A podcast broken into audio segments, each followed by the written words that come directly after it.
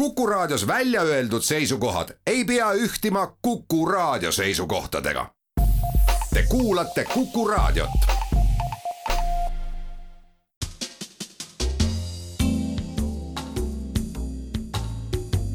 tarkade klubi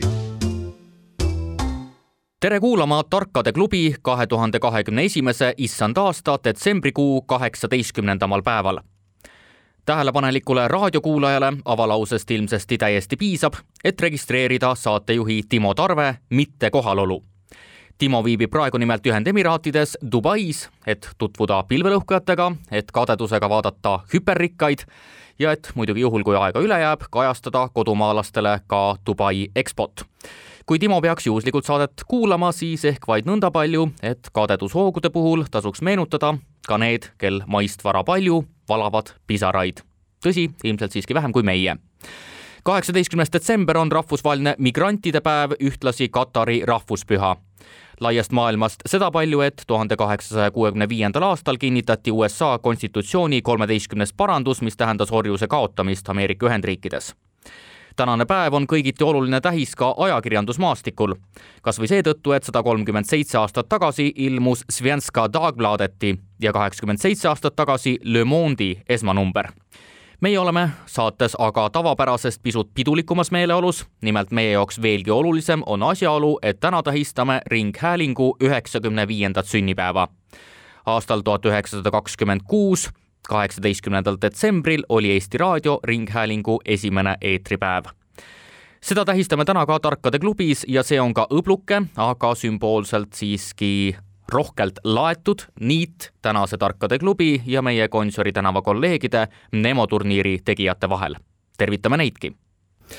ringhäälingu sünnipäeva tähistame ühes helgete peadega, kes ülearu pikka tutvustust ei vaja.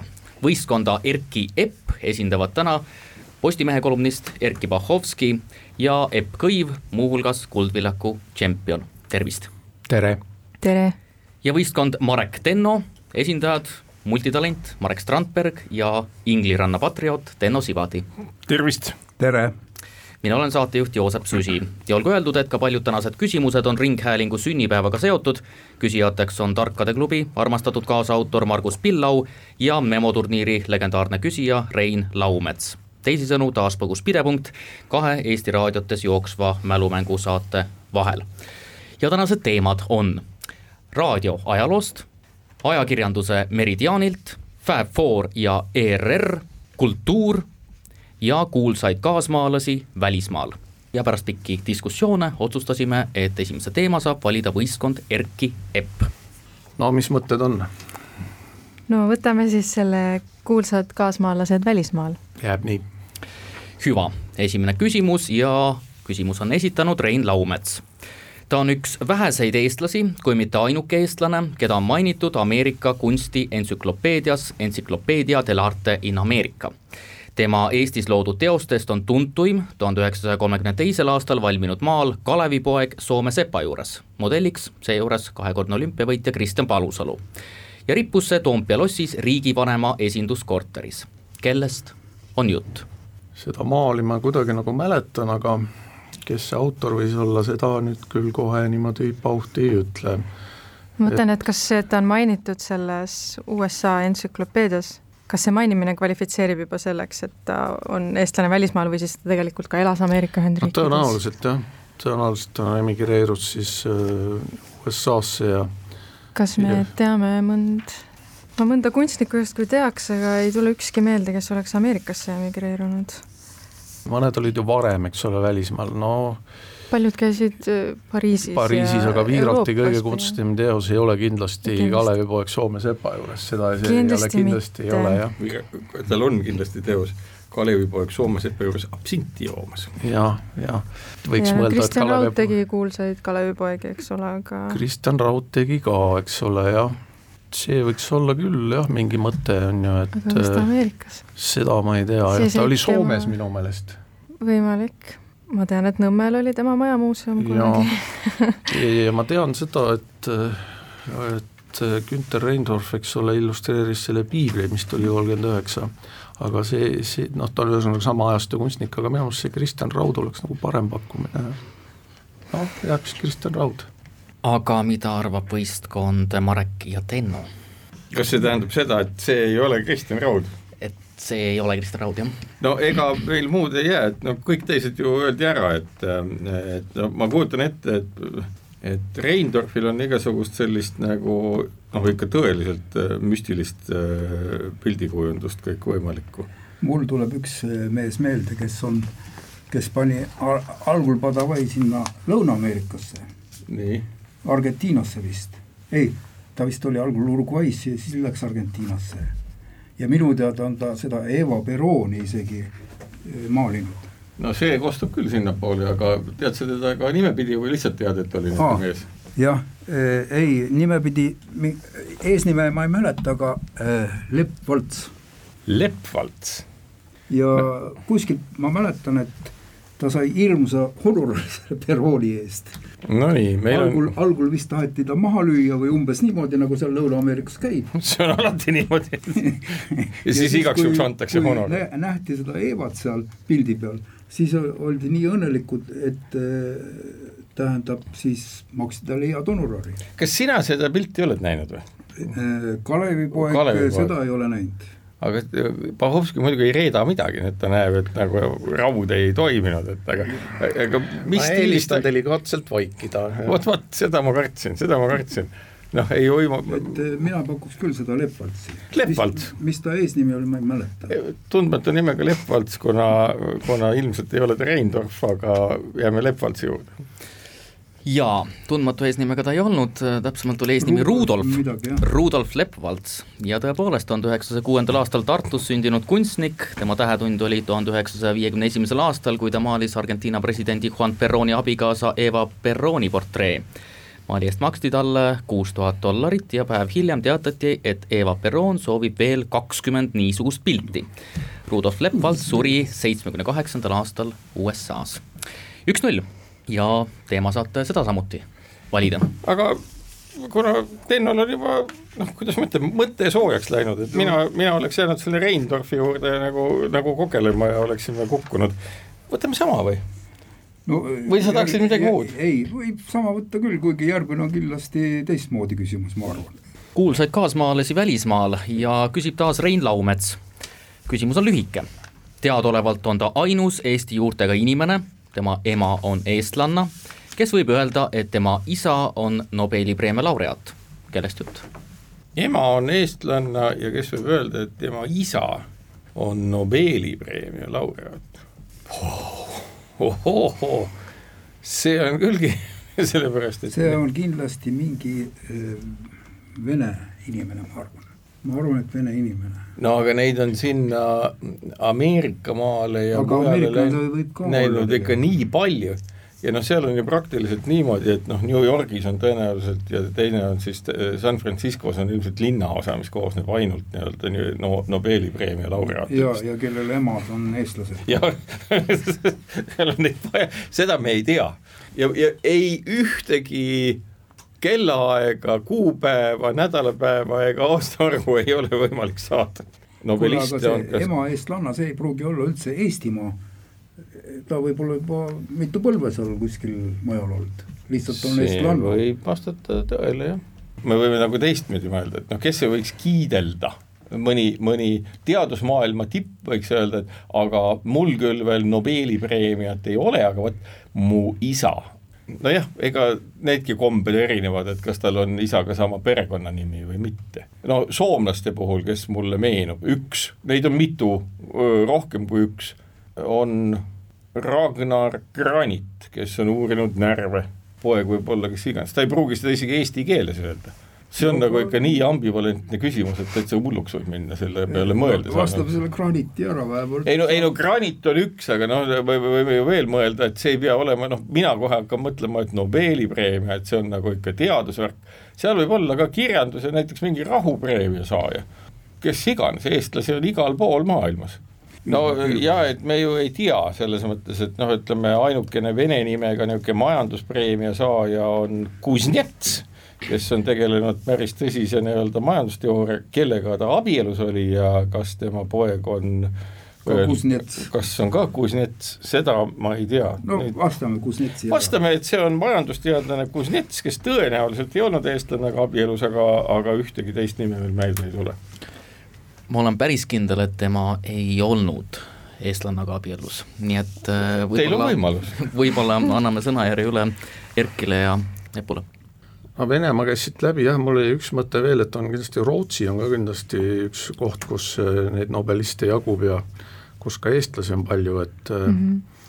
see oleks üks võimalus, aga kes need Rootsi nobelistid seal on, et äh, Nobel nii et see eestlane ise ei ole Nobeli saanud, vaid tema isa? ei, tema isa jah, ükski eestlane ei ole Nobeli saanud. veel? veel. praegu, eks ole, sai Nobeli rahupreemia, sai see Vene ajakirjanik Dmitri Muratov aga, ja kellel on ka sidemed Eestiga, et on Eestis käinud, aga ma ei, ma ei tea, et ta oleks mm. kuidagi nagu eestlasega abielus. nagu kui on Eestis käinud, siis tänasel no, päeval võib see kõike tähendada. võib küll, jah. mul endal käis mõttes see, et kas, kas mitte Euroopa Liit kunagi ei võitnud Euroopa Liit võitis. Euroopa Liit on meie kõigi isa. ma just mõtlengi, et siis me kõik eestlased oleme saanud Nobeli preemia. aga seda vist ei mõelda jah, et see on niisugune konksuga vastus jah. Aga.... punane rist on ka saanud äh, korduvalt isegi. ja milliseid eestlasi ta on elule aidanud. Mm.. jah, ma ütlen praegu siis Muratovi, Dmitri Muratov, pakkumine hea, aga õige vastus on Svante Pääbo, tuhande üheksasaja viiekümne viiendal aastal sündinud. jooksis see peast läbi viiekümne viiendal aastal sündinud evolutsioonigeneetik, eestlanna Karin Pääbo ja Nobeli meditsiinipreemia laureaadi Süüne Bergströmi poeg, Svante Pääbo on esimene teadlane, kellel on õnnestunud eraldada tuhandete aastate eest elanud inimese DNA, isoleerides kahe tuhande neljasaja aastase Egiptuse muumia DNA. ehk see ei olnud isa nimega? ei olnud. just seis üks-null jätkuvalt ja läheme kolmanda küsimuse juurde, Erki Epp, teie saate valida teema. vali seekord sina no ma võtame siis ajakirjanduse Meridiaanilt see kunagi Eesti Raadio esimeses programmis ja Vikerraadios argipäeviti kell pool viis eetrisse läinud saate pealkiri juhatab meid teemaplokki, mille kummastki küsimusest leidub midagi, millest on meedias keskmisest rohkem juttu. aga esimene kahest ja küsib Margus Pillau Venemaa ja Ukraina piiril püsib praegu pinge, mille resonants põngub üle kogu ilma. sellega seoses küsime ühe mõiste kohta, mis oli aastal kaks tuhat neliteist Krimmi annekteerimisega seoses aktuaalne ja millega väljendatava sisu suhtes tuleb olla hetkel seda enam valvas nimelt rohelised mehikesed, venepäraselt siis Zeljonõje Tšelavitški esmapilgul süütu ja ümmarguse ufo kujundi taga peitusid tollal tegelikult teatavasti Venemaa relvajõudude maskeerunud võitlejad, kes Ukraina riiklike struktuuride tegevuse Krimmis oskuslikult blokeerisid ja oma tahtmise saavutasid. Venemaal aga kasutati vastavate sõdurite tähistamiseks valdavalt üht-teist, samuti kahest sõnast koosnevat veelgi armsamalt kõlavat ja aupaklikult mõjuvat meemifraasi. millist nimelt? Ka Vikipeedia temaatilistes artiklites näiteks tuleb kultuuride erinevus välja. enamikus keeltes on pealkiri Rohelised mehikesed, vene ja valgevene variantides aga meie küsitav. seda teab Pavlovski une pealt no seal olid ju mitu, neid meeme oli mitu ja neid fraase oli mitu, et noh, üks oli kindlasti mures olevad kodanikud, kes olid mures oma äh, nii-öelda siis riigi saatuse pärast ja ostsid sõjaväevormi, eks ole, poest ja nii edasi, et eh, see on nagu esimene asi, mis mulle meelde tuleb. ma ei oska muud pakkuda, kui see mures olevad kodanikud mures olevad kodanikud, aga Vikipeedia temaatiline artikkel Vene ja Valgevene variantides on pisut teistsugune, nii et anname sõnajärje uuesti, Marek ja Tenno. sellises asjas, millest me noh, vaatan siin Bahovski otsa, kes teab nagu isegi peast ilmselt seda, mitu, mitu auku Vene rohelistel mehikestel nöörsaabaste nööride sidumiseks kuule, aga vaata, tol ajal oli see hüüdlause Krõmm-Nass oli ju, Krõmm-Naš, äkki nad Krõmm-Našiki na, naršistid äkki? aga Naš, noh Naše võib küll olla. Asvaboditeli, noh. vabastajad. no Bajevik, Bajeviki aga ma ei tea, kas, kas seda nad kasutavad, kas nad kasutavad enda puhul seda või nad kasutavad no Bojevik on liiga sõjakas niisugune, ma arvan, et äkki, äkki siiski Miravik Bojevik on sõjafilm. Bojevik on sõjafilm või? aga no näed, ma ei tunne isegi vene keelt, ma siin räägin, püüan teha kuule, aga see Miravik on väga väga võlu, Miravik. no Miraviki või Miravik, Miravik, aga noh, see on kui Pahovskit uskuda, siis Miravik on rahufilm. jah, Naši Miraviki, meie rahutegijad, väga hea pakkumine. aga ei ole õige. õige vastus on viisakad inimesed ehk ve- või ljudi. Vježli või juudi. no meie oma oli peaaegu ta, õige. ta on üks vorm sellele jah, Jah. viisakad inimesed, mures olevad kodanikud, noh jah, okei okay.. Vježli, see, see on ikka täielik kui šokk., kui Marek ja Tenno tahavad, siis me võime pool punkti vastasvõistkonnale anda no. võib küll panna. me, me Jaa. võime anda vastasvõistkonnale pool punkti, sellepärast et nad olid ikkagi oma mõttega väga lähedal, me oleks ka jõudnud üsna lähedale tunni aja pärast, aga praegu ei jõudnud. muidu nad jäävad väga muresse, Jah. ma arvan. näitan siis ikkagi külalistele ka äh, Vikipeedia lehekülge, kus äh, tõepoolest selline pilt vastu vaatab.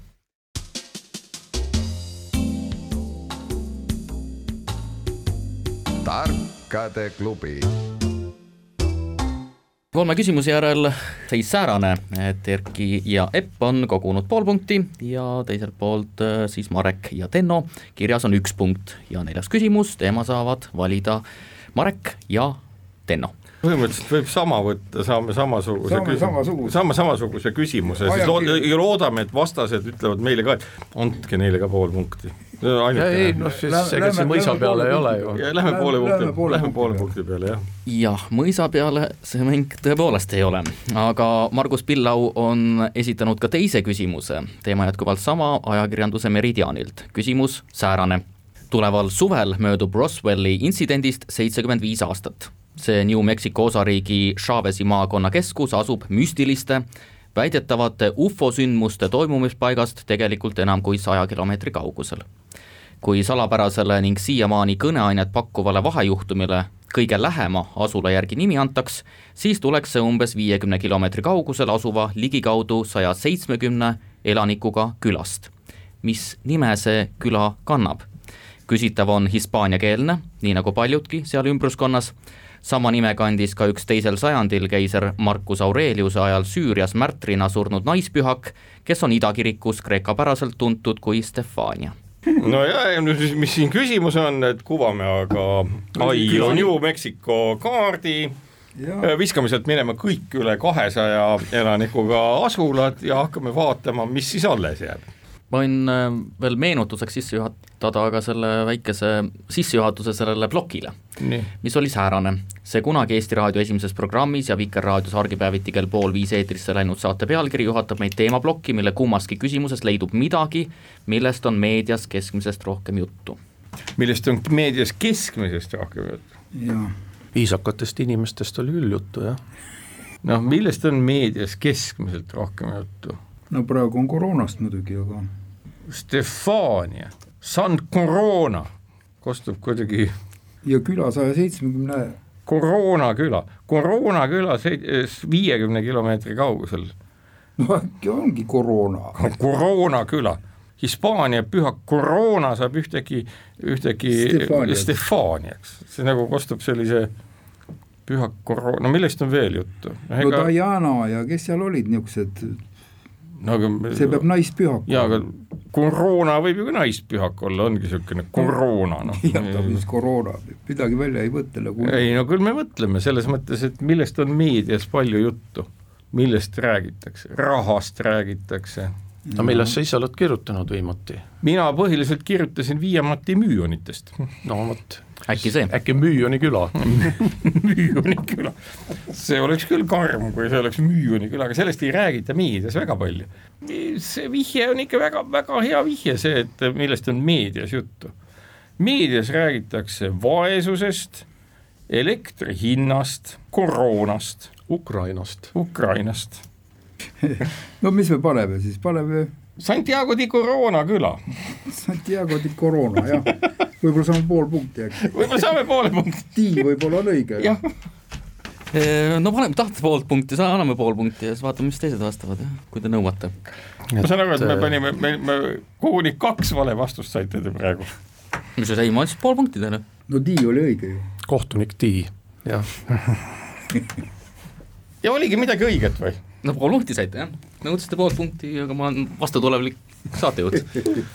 no ilmselt see Santa on seal kuidagi jah. no ma eeldaks, et see pühak siiski on naissoost nii idakirikus kui lääne kirikus, et siis ta peaks jah Santa olema, aga aga jah, no Stefani, et sealt nagu hakata tuletama, eks ole, hispaania keelde, no ungari keeles oleks, eks ole, noh, Stefan on Istvan, on ju, aga aga sealt nagu tuletada hispaania keelde, siis oleks nagu sealt tuleb mingi noh, Filippa näiteks, eks ole, tuleks nagu Santa Filippa, aga Filippast küll nüüd ei räägita Eesti ei, meedias nagu, et nagu meediavihje on nagu meediavihje on nagu jah, et ja noh, Santa Claus, eks ole, on mees, see praegusel ajal räägitakse sellest ka päris palju, aga see ei saa olla see, ikkagi naispühak peab olema ikkagi naine, et no elektri hinna puhul ma mõtlesin, et äkki elektra, aga elektra vist on ikkagi kreeka keelest pärit sõna, kui ma ei eksi, et siis see vist ka ei klapi.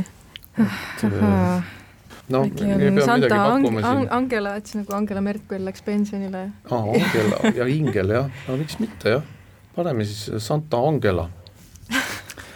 Pakkumine on väga hea, aga õige vastus on koroona. Hispaaniakeelne ladinatüveline koroona tähendab tõlkes kroon või pärg, püha koroona on Euroopas kõige rohkem austatud Austrias, ehk siis juhuslikult esimeses kohustusliku vaktsineerimise kehtestanud riigis ning nagu kuulaja eelmise aasta kevad ühest saatest ehk mäletab, on ta ühtlasi toiduainete turu kaitsepühak. Viini linnas siiski, mitte näiteks Wuhanis. kokkuvõtteks tuleb nentida, nüüd pole teoreetikutel enam erilist kahtlust, Roswelli intsident ja Covid-19 pandeemia on omavahel seotud.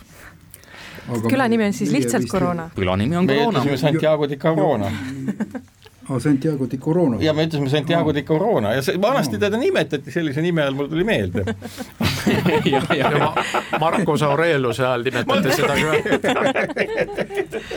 nii et neli küsimust Ringhäälingu üheksakümne viiendale sünnipäevale pühendatud Tarkade klubi saates on esitatud ja seis neljanda küsimuse järel on selline. Marek Strandberg, Tenno Sivadi on kogunud poolteist punkti ja Erkki Bahovski, Epp Kõiv on kogunud pool punkti. viies küsimus ja Epp, Erkki, teie saate valida teema.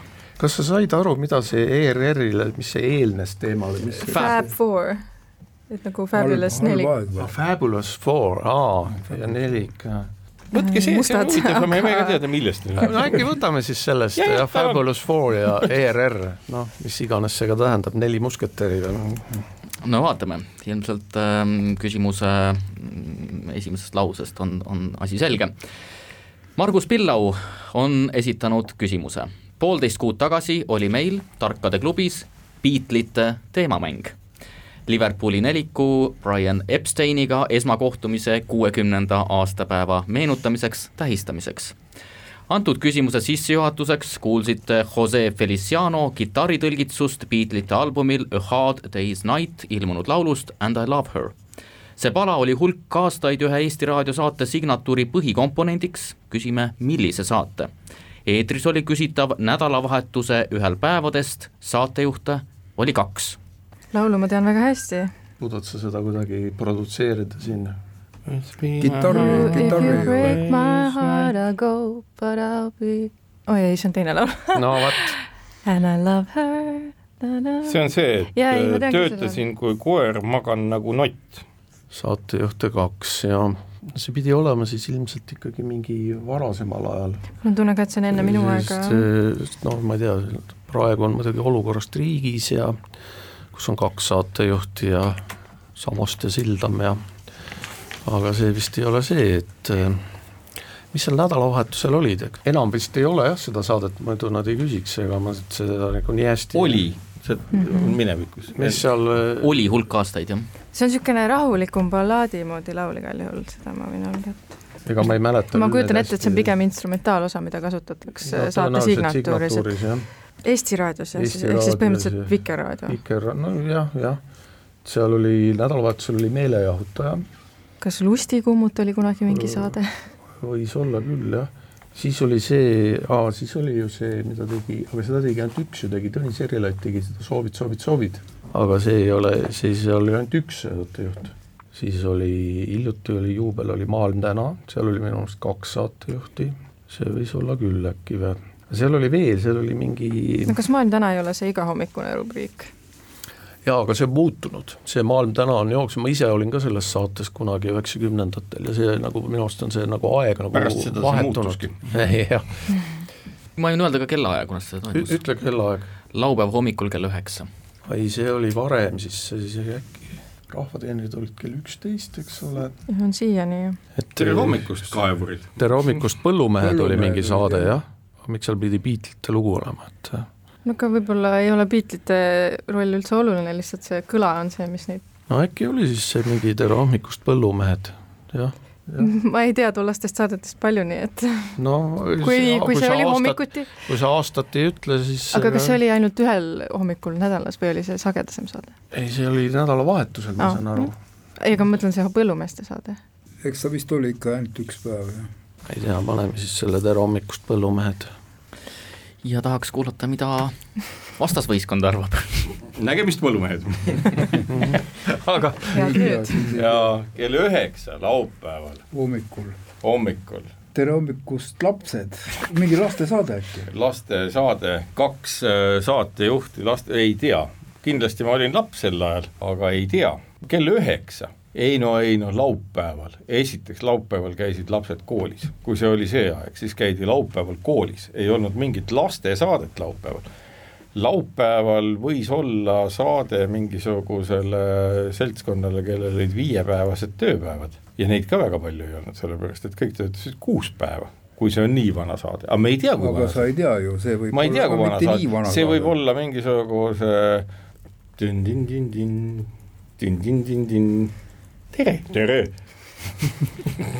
Tin-tin-tin-tin, ei kujuta ette üldse, mis võib-olla oli see saade, et lootus sureb viimasena, et Ei, sellist saadet- teenin Nõukogude Liitu. teenin Nõukogude Liitu oli üldse Kesktelevisionis ja seal ei teenitud midagi.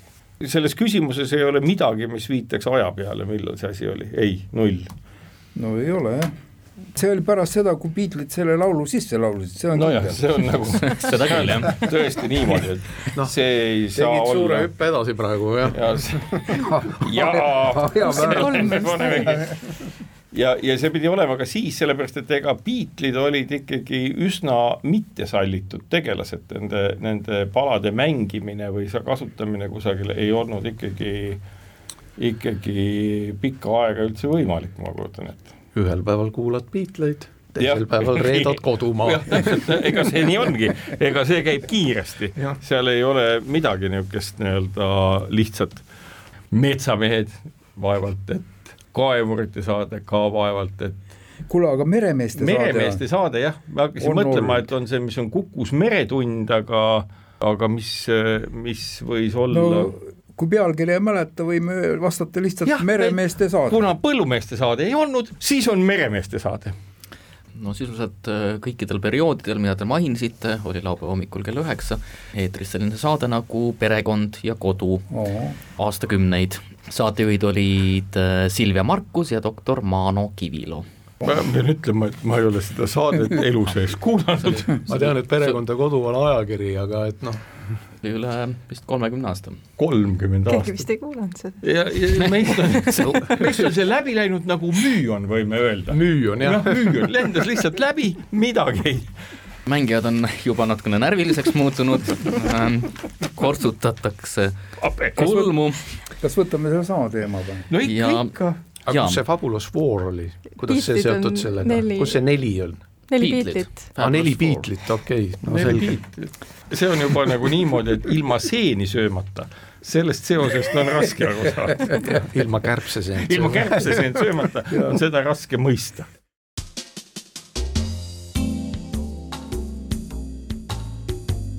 tarkade klubi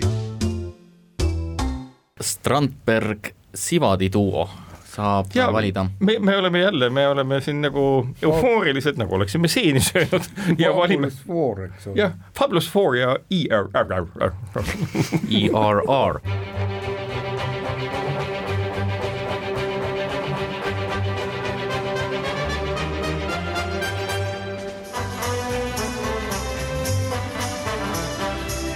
kuulsite hakatuseks Lady Madonnat, Easy Listening žanri ühe klassiku Andre Kostalanetsi orkestri esituses. aastatel tuhat üheksasada seitsekümmend kuus kuni tuhat üheksasada kaheksakümmend üheksa oli too hoogne ja hea stiilitajuga versioon Lennoni, McCartney vastavast laulust Eesti Televisiooni kultusliku sarja Estraadi tähestik tunnusmeloodiaks. saatejuhtidena astusid selles üles Enn Eesmaa, lõpupoolega Urmas Ott tähestik tähendas siis kontseptsiooni järgi püünel üles astuvatest välja valitud artistidest perekonnanimede järjekorras saadete tegemist. keskseks elemendiks oli saates intervjuu. kes oli saate esimene ja kes oli saate viimane portreteeritav? esimene on vist loogiliselt päris lihtsasti äraarvatav, viimane ilmselt niivõrd mitte tegemist on nimelt vene lavatähega naisega, kes nüüdki veel meie hulgas viibib, aga rahvuselt mitte venelane ja sündinud on ta koguni Prantsusmaal küsitava tõelise leedi ja tõelise primadonna perekonnanime esitäht pole üldsegi tähestiku kõige viimaste hulgas. eks Urmas Oti jaoks oli estraadi tähestik nagu hüppelauaks ta isiklikule karjäärile suure kodumaa publiku ees. teletutvuse sarigi oli selleks ajaks juba käimas. küsimus on esitanud Margus Pillau. esimene, kes on loogiline? seitsekümmend kuus. estraadi tähestik, ta peab olema A tähega. No A tähega seitsekümmend kuus oli kas seitsekümmend kuus aba ei võinud olla juba? no aga keda see seitsmekümne kuue, halloo, ma olen Enn Eesmaa, ma siin helistan Eesti Televisioonist. kes seal kohal oli intervjuu, et kas, kas te saaksite tulla? jah, jassoo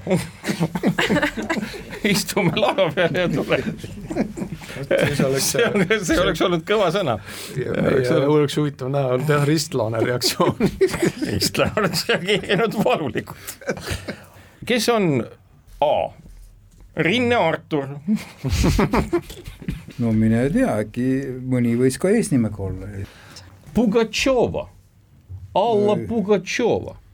alla on A tähega. Alla on A tähega. aga ta pole küll Prantsusmaa juurtega või, või kuidagi Prantsusmaaga seotud. aga seda esimest ma mõtlen, et äkki võis olla Tõnu Aav näiteks. Aav on kahe A-ga. Tõnu Aare Tõnu Aare ka võib-olla. Tõnu Aare, Tõnu Aav, Tõnu Aav, estraadi tähe, kas see oli Tõnu Aav, noor näitleja? seitsekümmend kuus, jah. No siis ta oli ka juba näidelnud. ja, ja ei oli, aga Aare vist sel ajal veel, aga kui me ütleme Tõnu Aav ja on Tõnu Aare, siis me oleme eksinud ainult kahe tähega. ja ütleme niimoodi segaselt, niimoodi, et ei ole aru saada aga, aga seda viimast kirjalikus vastuses on niisugune loominguline käekiri. ei, arsti käekiri. seda viimast nagunii välja ei mõtle, see kaheksakümmend üheksa. Pugatšova, see ei ole viimane täht. kas panete lukku? Tõnu Aav ja Alla Pugatšova. Pool punkti, väga hea. ja teine pool punkti võimalik võita teil. kumb see siis õige oli? see on hea küsimus jah. eks ikka A vist oli õige, ma arvan.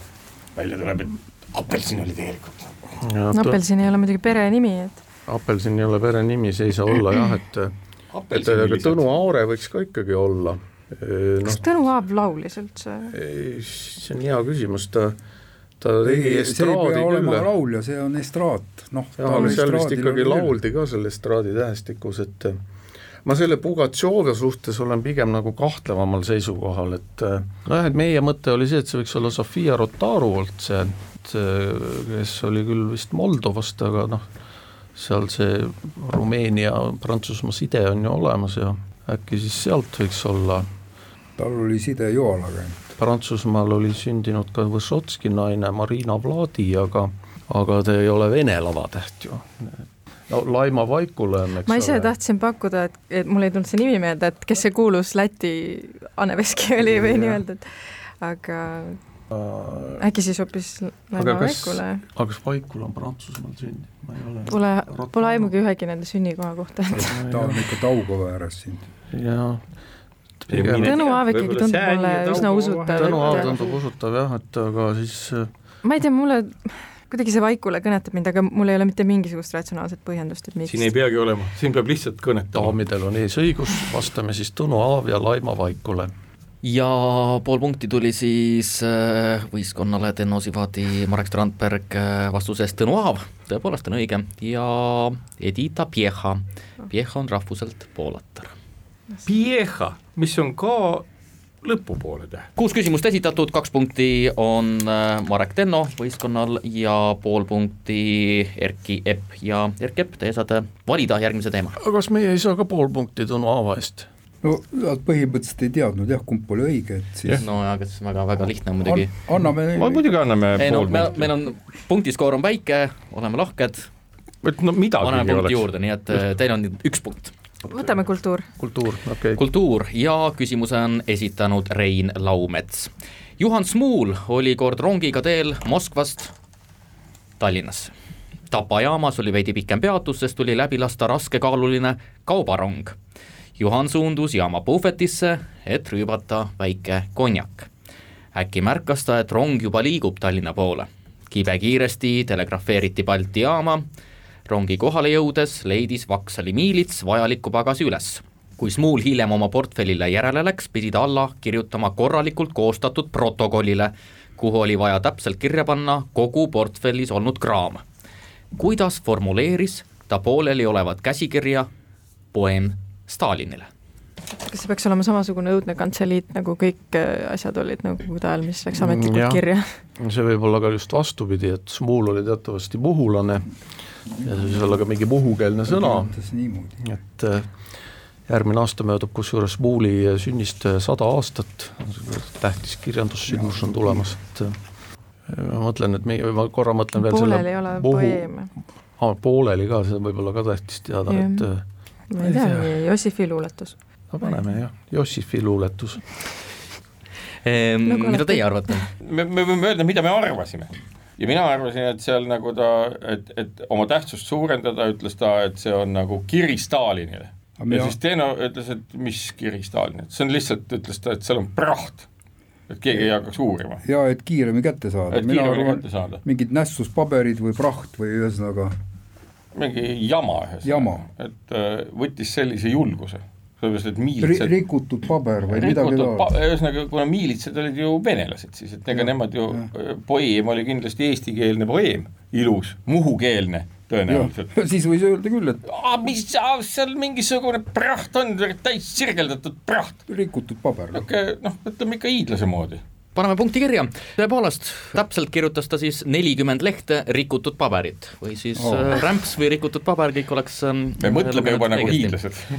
hiidlased. kolm-üks ja kaheksas küsimus, teema saate samuti valida teie. no ega me oleme nagu ahvid, et mis teised ees teevad, seda teeme, me järgi kultuur, eks. jah, tuhande üheksasaja kolmekümne esimesel aastal otsis lavastaja Hilda Kleeser Tallinna Töölisteatrisse paruni osatäitjat ja leidis lõpuks ta Nõmme turult võid müümas.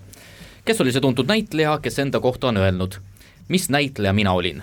mul see va kole nägu, see ajas mõne naerma, muud midagi. koleda näoga näitlejad, kolmkümmend üks, leidis Nõmme turult, me ei tea isegi, mis soost ta oli. kolmkümmend üks, kes siis olid neid? no kõik, kes on hiljem mänginud äh, Nõukogude filmides sante ja vigaseid ja küürakaid ja paruneid, oli siis lihtsalt noor selline. Kas, aga äh, Hugo Laur näiteks, Hugo Laur, jah. Hugo Laur, Hugo Laur, ega meil muud mõtted pähe ei tule. Hugo Laur, hea pakkumine, aga väär kahjuks. Erki Epp no näitlejad Paul Pinna ja Ants Eskola muidugi ja nagu minu meelest Paul Pinna veel selline jah, ja mõlemad vist nagu naerutasid seda rahvast ka, et mm -hmm. aga nüüd, mis variandi me siin valume, aga, aga no et mitte aega raisata, siis et kuna sa kirjutasid ka Pinna ja ma kirjutasin ka esimese raksuga Pinna, siis Paul Pinna. kumbki pole kahjuks õige, õige vastus on äh, aastatel tuhat kaheksasada üheksakümmend kaks kuni tuhat üheksasada kuuskümmend elanud Ruts Baumann. Ruts Baumann, nojah. kas ta on siis naljaka näoga? nii, ja nüüd on viimased kaks küsimust. viimased kaks küsimust ja kaheksa küsimuse järel seis kolm-üks.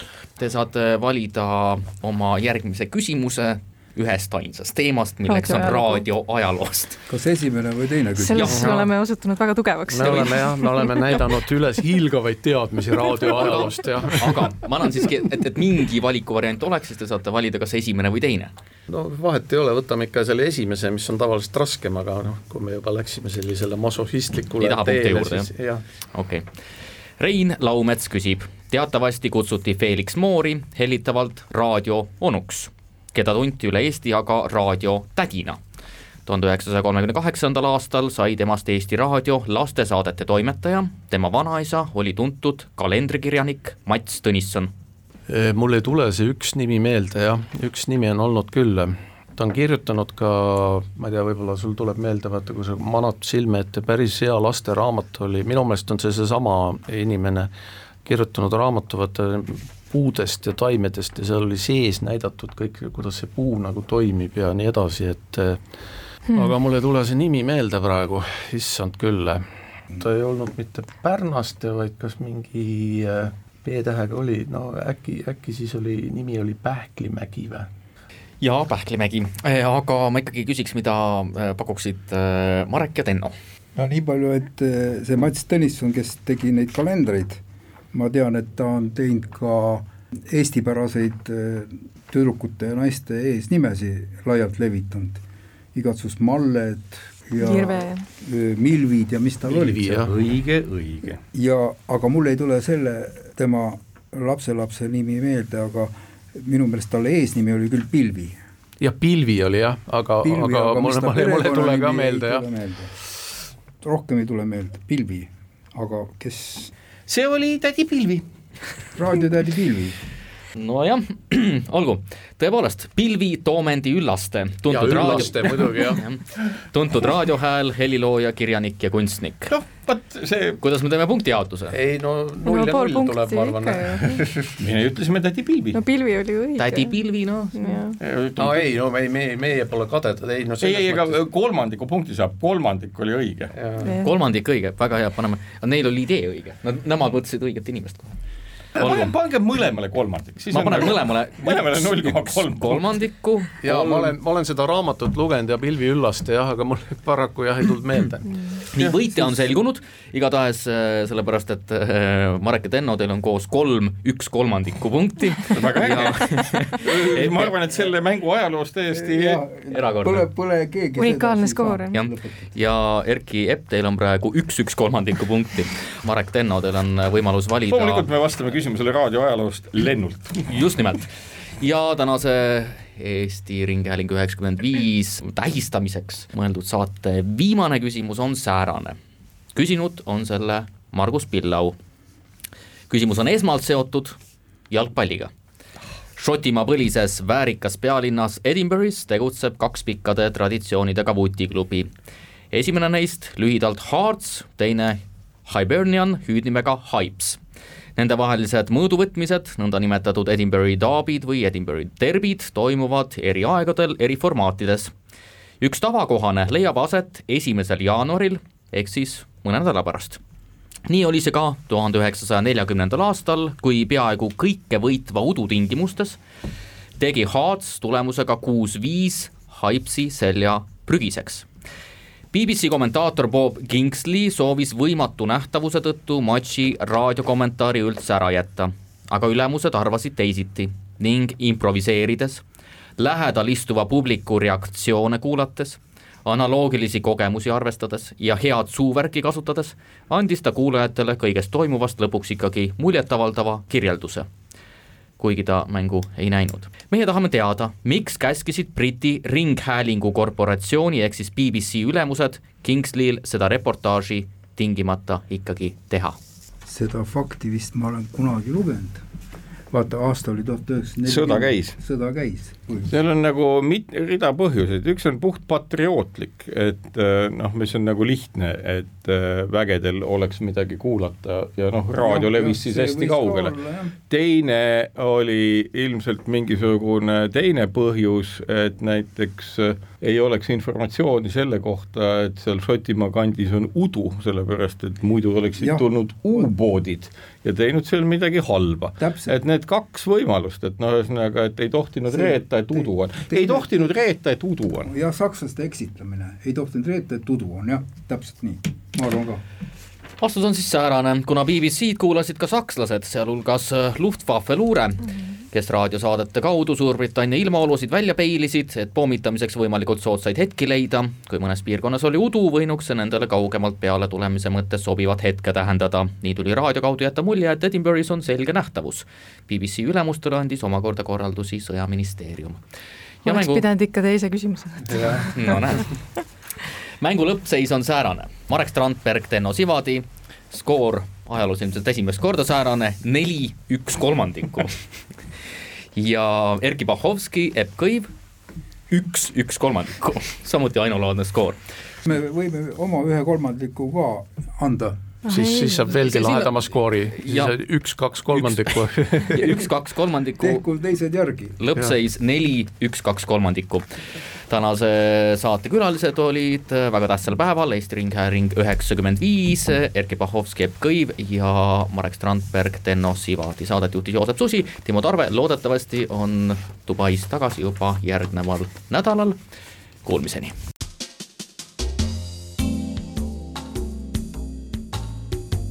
Tarkade klubi